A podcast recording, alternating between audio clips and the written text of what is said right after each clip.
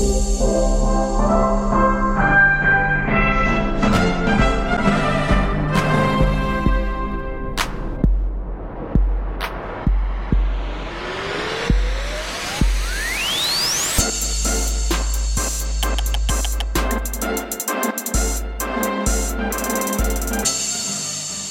och välkommen till 12 poäng, podden om Melodifestivalen och Eurovision Song Contest.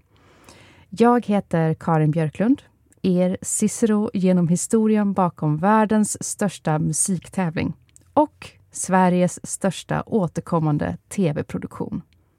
I förra avsnittet gick vi igenom hur Sveriges första melodifestival gick till år 1958. Eller slagetävling, som den hette då. Det var varken en tv eller radiosänd tävling. Sveriges Radio gick ihop med föreningen SKAP och bad deras medlemmar skicka in bidrag för att representera Sverige i European Grand Prix. En jury valde ut tio bidrag och den vinnande låten blev Samma stjärnor lysa för oss två av Åke Gerhard. Efter lite övertalning tackade populära sångerskan Alice Babs ja till att representera Sverige på villkoret att låten skrivs om. Sagt och gjort. Samma stjärnor lysa för oss två blev Lilla stjärna och framfördes av Alice Babs i Nederländerna under tidig vår 1958. Sverige vann inte. Vi kom fyra. Men Alice Babs cementerade sin plats som Sveriges första Eurovision-representant och hade en lång karriär framför sig när hon kom hem igen. Vinnaren av Eurovision Song Contest 1958 var Frankrike med låten Dors mon amour. Men när vi ser tillbaka på startfältet från 1958 så är det inte den låten som sticker ut. Det är en annan låt. Så i detta avsnitt kommer vi att kika närmare på låten som har haft absolut störst genomslag i Eurovisions historia. Juni 1957. En solig sommardag i Italien. Franco Miliacis ögonlock var tunga. Han kunde lika gärna ta ett till glas vin. Hans vän hade inte dykt upp ännu så dagen på stranden som de planerat tillsammans fick vänta ett tag till. Ett glas vin blev till flera glas vin. Vännen Domenico var fortfarande inte där. Snart sov Franco och drömde märkliga drömmar. Han vaknade med ett ryck. När ögonen väl fokuserade såg han tavlan på väggen. En man i luften. Tavlan intill visade en man med halva ansiktet målat i blått och plötsligt kom orden till honom. En visa om en man som drömmer om att måla sig blå och flyga. Felice di stare lassù E volavo, volavo felice più in alto del sole ed ancora più su Mentre il mondo pian piano spariva lontano laggiù När hans vän Domenico Modugno väl dök upp blev det ingen dag på stranden som planerat. Istället ägnade de de kommande dagarna åt att skriva en text om Francos märkliga drömmar och komponerade en melodi. En tid senare låg Domenico och sov bredvid sin fru när en storm blåste upp deras sovrumsfönster mitt i natten. Man vet aldrig när eller hur inspirationen slår till. Men där och då kom refrängens första uttryck till honom. Volare.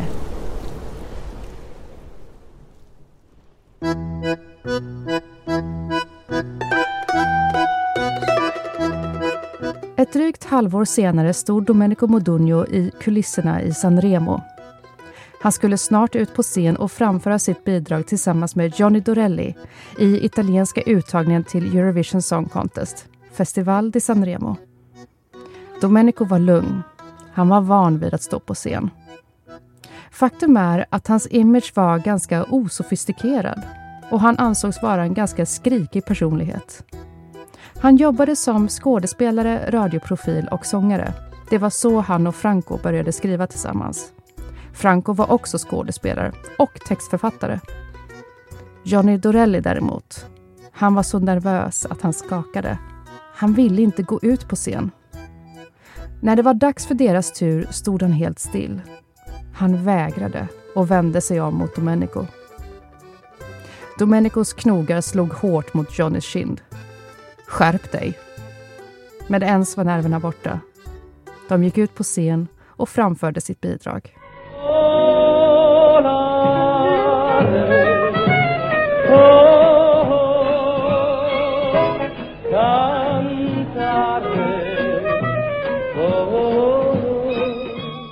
Johnny Dorelli var en duktig sångare och han sjunger sin del av låten väldigt bra.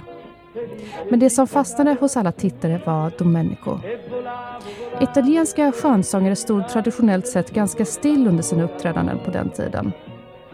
Inte Domenico.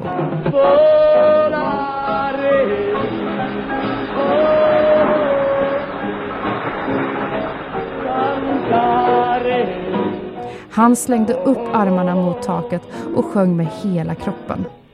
Publiken stod upp och applåderade. Segern var given. Titeln Nel Blu de Pinto di Blu betyder I det blå målad blå. En poetisk visa om att flyga i det blå. På något vis slog både texten och melodin an hos den italienska befolkningen och den blev snabbt en stor hit. En av anledningarna kan vara hur Italiens kulturlandskap såg ut i slutet av 50-talet. Efter andra världskriget och Mussolinis död slets Italien med politiska tvister mellan kommunistpartier och fascistinfluerade partier. Befolkningen led av posttraumatisk stress och det var svårt för folket att hitta tillbaka till någon form av normalläge, politiskt och socialt. Landet behövde även byggas upp igen kulturellt sett och under den senare hälften av 40-talet dominerades kulturlivet av berättelser om vanliga personer som behöver jobba hårt för att överleva. När Domenico sjöng med hela sin kropp i San Remo 1958 var det som om han satte punkt för det tunga, lidande Italien. Låtens starka allsång blev istället ett gemensamt firande och symbol för optimism och ekonomisk välfärd efter kriget. Italienaren kunde bli livsnjutare igen. Men popularitet kommer med ett pris. Kort efter segern och skivans release trillar plagiatanklagelsen in till Roms domstol. Kompositören Antonio Di Marco anklagade Franco Migliacci och Domenico Modugno för att ha plagierat hans låt Il Castello de Sogni från 1956.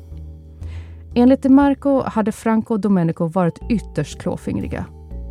Hans låt hade nämligen aldrig släppts på skiva, men han hade spelat den under konserter. I domstolen vittnade han att han tappat bort notbladen till låten när han var i Rom för att registrera den hos italienska motsvarigheten till STIM. Då måste Franco ha hittat notbladen och kopierat det rakt av, hävdade han. Vittnesmålet övertygade inte domstolen och Franco och Domenico friades på alla punkter. Enligt en musikexpert var inte heller låtarna särskilt lika varandra. Men som vi alla vet är det nästintill tradition att anklaga vinnare i Melodifestivalen och Eurovision för plagiat. Varför skulle Festival di San Remo vara undantag från den regeln?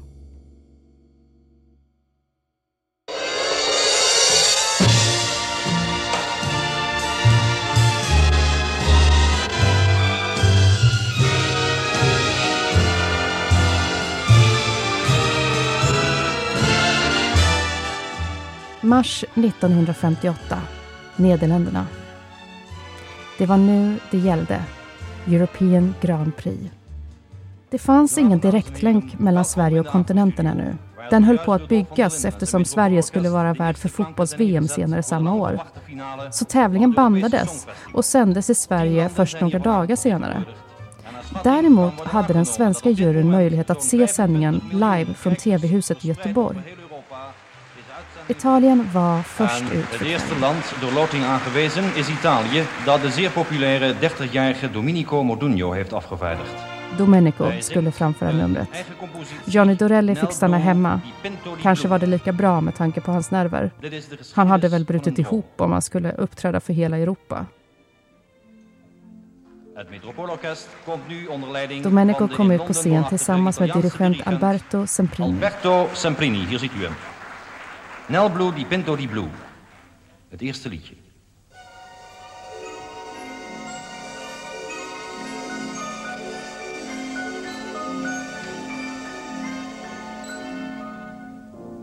Penso che un sogno così non ritorni mai più.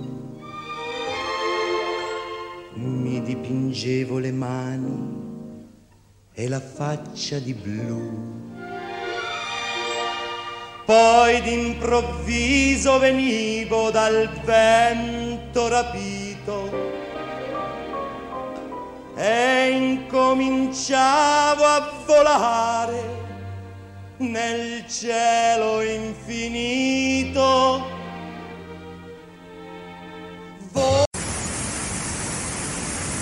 Något går fel. Den svenska juryn kan inte se det italienska bidraget. Det famlas och kopplas, rings och frågas. Domenico är lyckligt ovetande på scen och sjunger för full hals för konsertlokalens publik. Länken återupprättas igen, men det är för sent. Det är redan dags för kvällens andra bidrag. Förra årets vinnare Corey Brocken för värdlandet Nederländerna. Want heel Europa kijkt en luistert naar heel de wereld. Efter henne följde Frankrike, Luxemburg och såklart Sveriges debut med Alice Babs.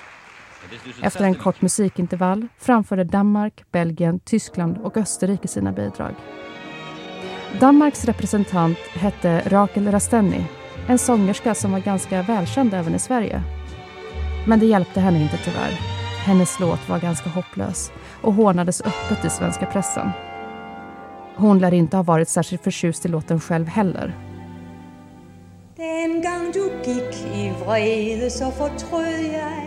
Fejlen var min, fornuften, kjær den snød mig. Det vi havde sammen var smukt og stort. Ved du, hvad jeg nu i dag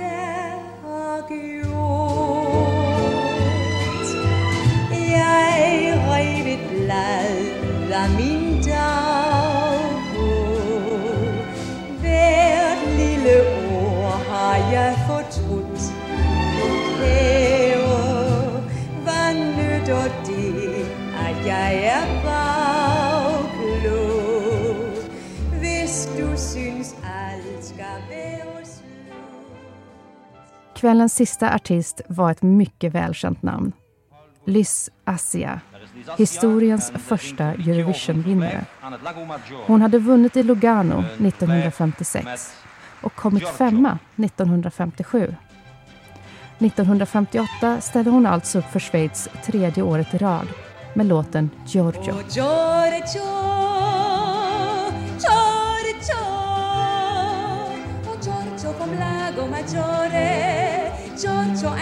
ein Weekend mit dir in Ascona, e in am Lago Maggiore. Mit Chianti, Chianti, Chianti, Chianti, Chianti.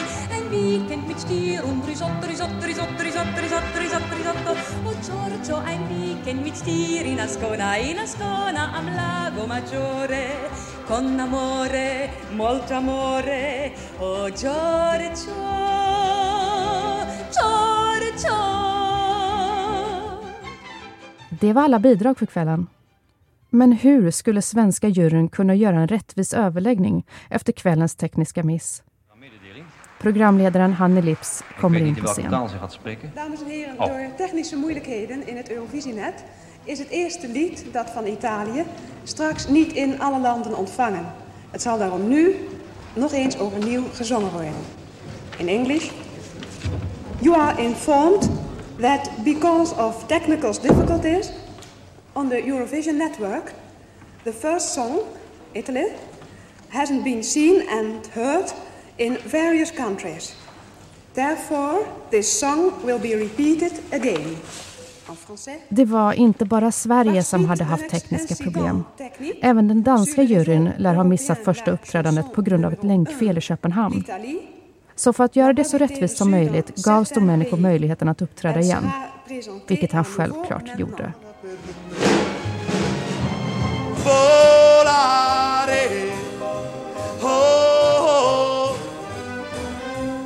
Cantare, oh, oh,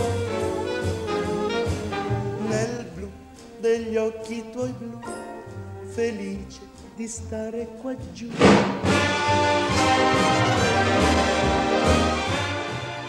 Och nu kunde hela Europa se Domenico sjunga.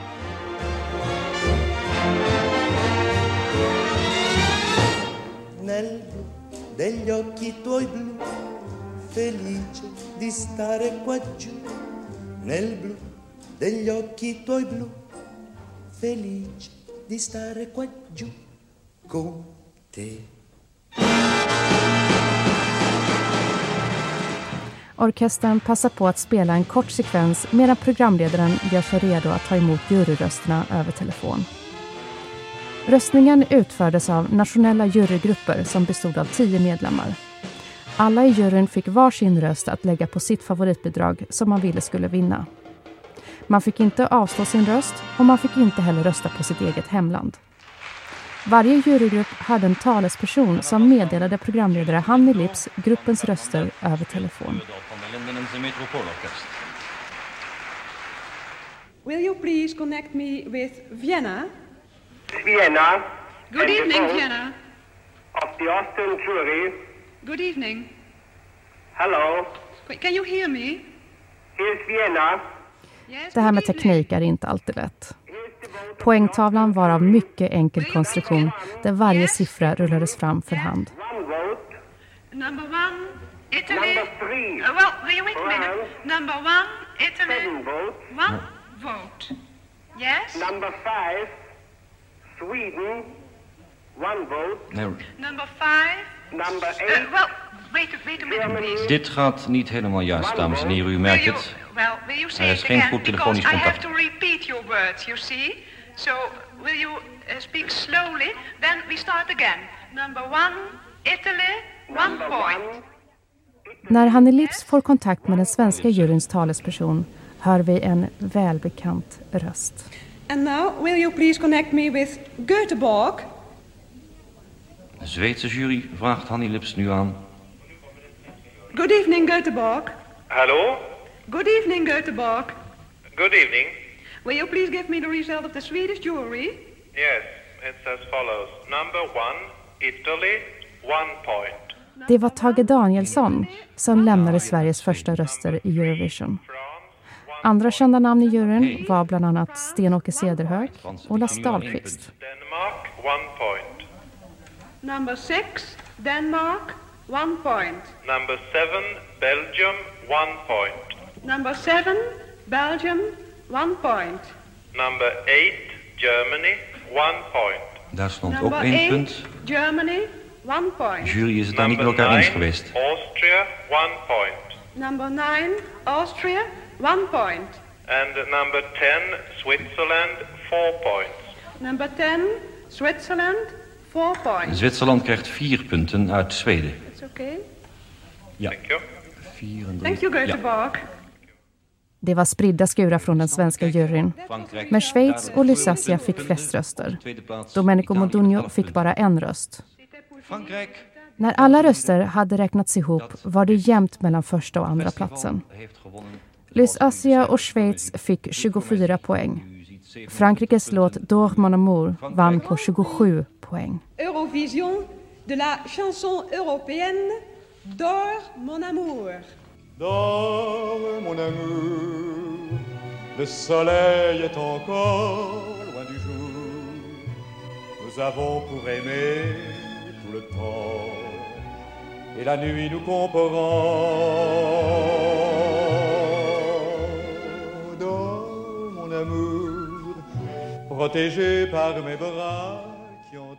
Men trots att Domenico aldrig var uppe i ledningen och nosade blir Nel Blue di Pinto di Blue en större succé än D'Or mon amour. I folkmun döptes den om till Volare. Den tog sig in på topp fem i Nederländerna, Belgien, Norge och Frankrike.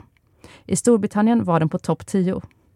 Flera europeiska länder översatte låten till sina egna språk. I Sverige spelades den in av Lasse Lönndahl och fick namnet I det blå.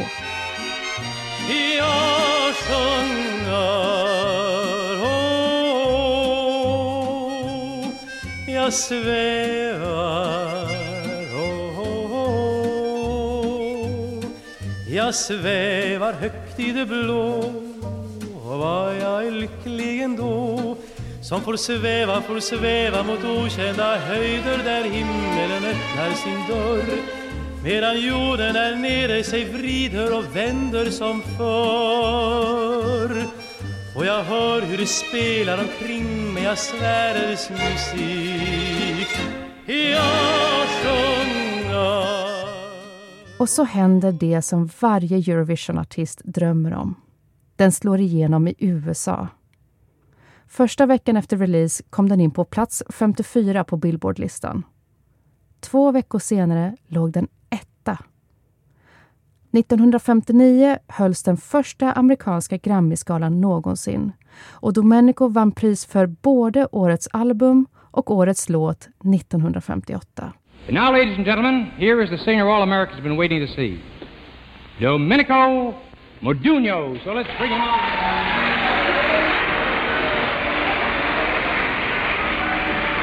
Volare, You wrote it, you did the lyrics for it, and now you are going to sing it. Thank you. Do it, boy. My paisan. Thank you very much. Så hur kom det sig att en låt på italienska och av en italiensk artist kunde slå the king of rock and roll, Elvis Presley, i USA? Ett svar kan vara topplistorna på radio. I och med att radiostationerna sände topplistan av sina 40 mest spelade låtar varje vecka blandades genrer fritt och låtarna levde kvar betydligt längre i etern. Ena stunden spelades ny, ungdomlig musik i form av rock'n'roll med Elvis och Little Richard. Andra stunden spelades äldre musik med Frank Sinatra, Ella Fitzgerald och Dean Martin. Så trots att Volare hade ett mer gammaldags sound spelades den ändå regelbundet på bästa sändningstid och blev mer och mer populär. Under 1800 och 1900-talet emigrerade miljontals italienare till USA. Efter andra världskriget förändrades de sociala förutsättningarna för många italienska amerikaner. De utbildade sig i större omfattning på universitet, fick tjänstemannajobb och tog allt större plats inom sport och kultur. Många barn till migranter kunde fortfarande italienska, trots att den trenden var på nedgång redan då. Det gjorde att italiensk kultur var eftertraktad i USA eftersom flera kända profiler och underhållare var av italiensk härkomst själva. Till exempel Henry Mancini, Frank Sinatra och Dean Martin.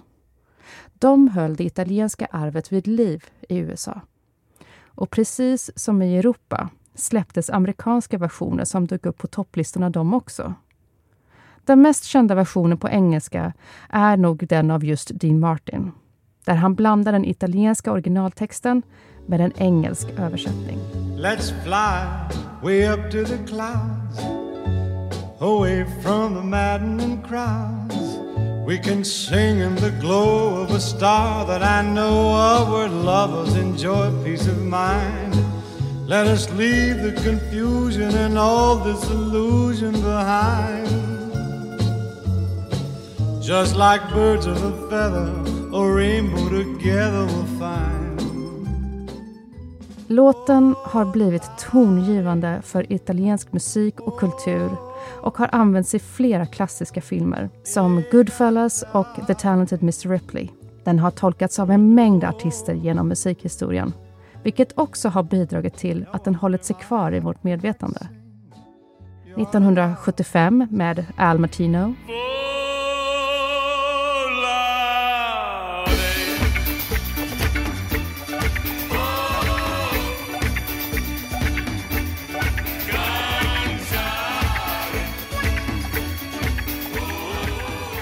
1986 med David Bowie.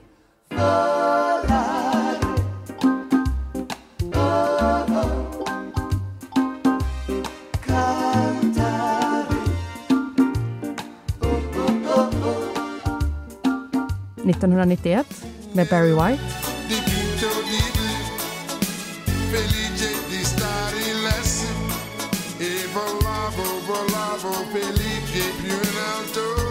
1992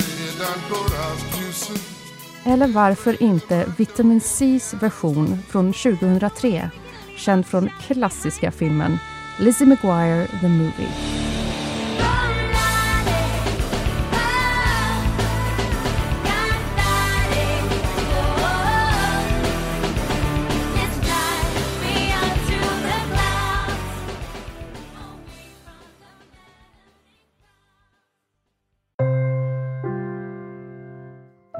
När Domenico Modugno gick bort 1994 hade han haft en lång karriär som både sångare och skådespelare.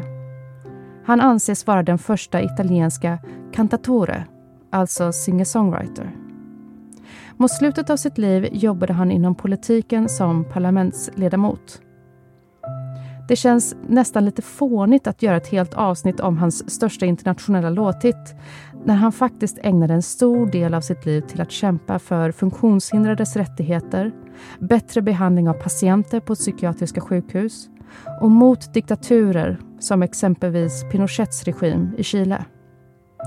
Han fick många utmärkelser under sin livstid. Sju år efter sin död tog hans änka och Franco Migliacci emot en specialutmärkelse i hans ära på Festival di Sanremo 2001. Motiveringen till utmärkelsen var att han genom Nel Blue di Pinto di Blue transformerade Sanremo-festivalens scen till en scen på världskartan.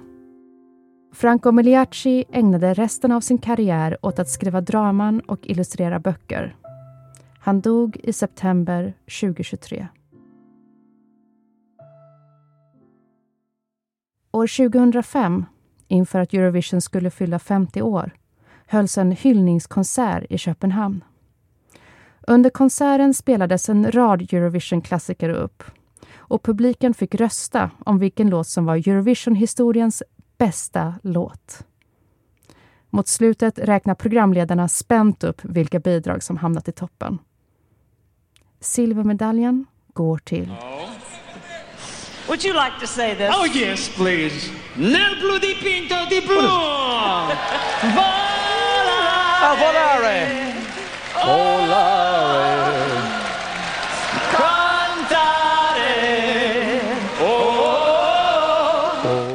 Hela publiken sjunger med, som om de lyssnade på låten varje morgon innan de går till jobbet.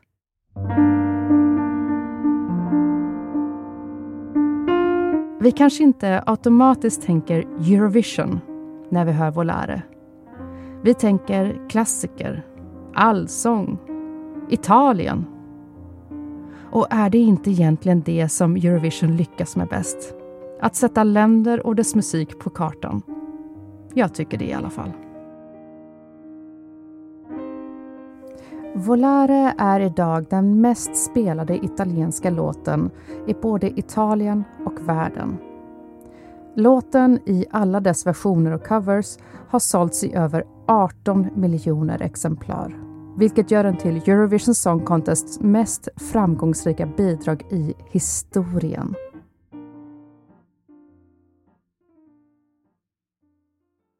Den där hyllningskonserten i Köpenhamn tog såklart inte slut vid att Volare utropades till Eurovision-historiens näst bästa låt. Det korades givetvis en vinnare den kvällen. Vinnaren var inte särskilt otippad. För låten var startskottet på ett av tidernas största musikfenomen. Och deras hemland är idag en av Eurovisions stormakter. Is... Waterloo by ABBA. No particular surprise, but I suppose based... Men någonting har hänt. Frågan är hur länge vi kan hålla oss kvar i toppen egentligen. Sverige, det är nog dags att vi ser oss i spegeln.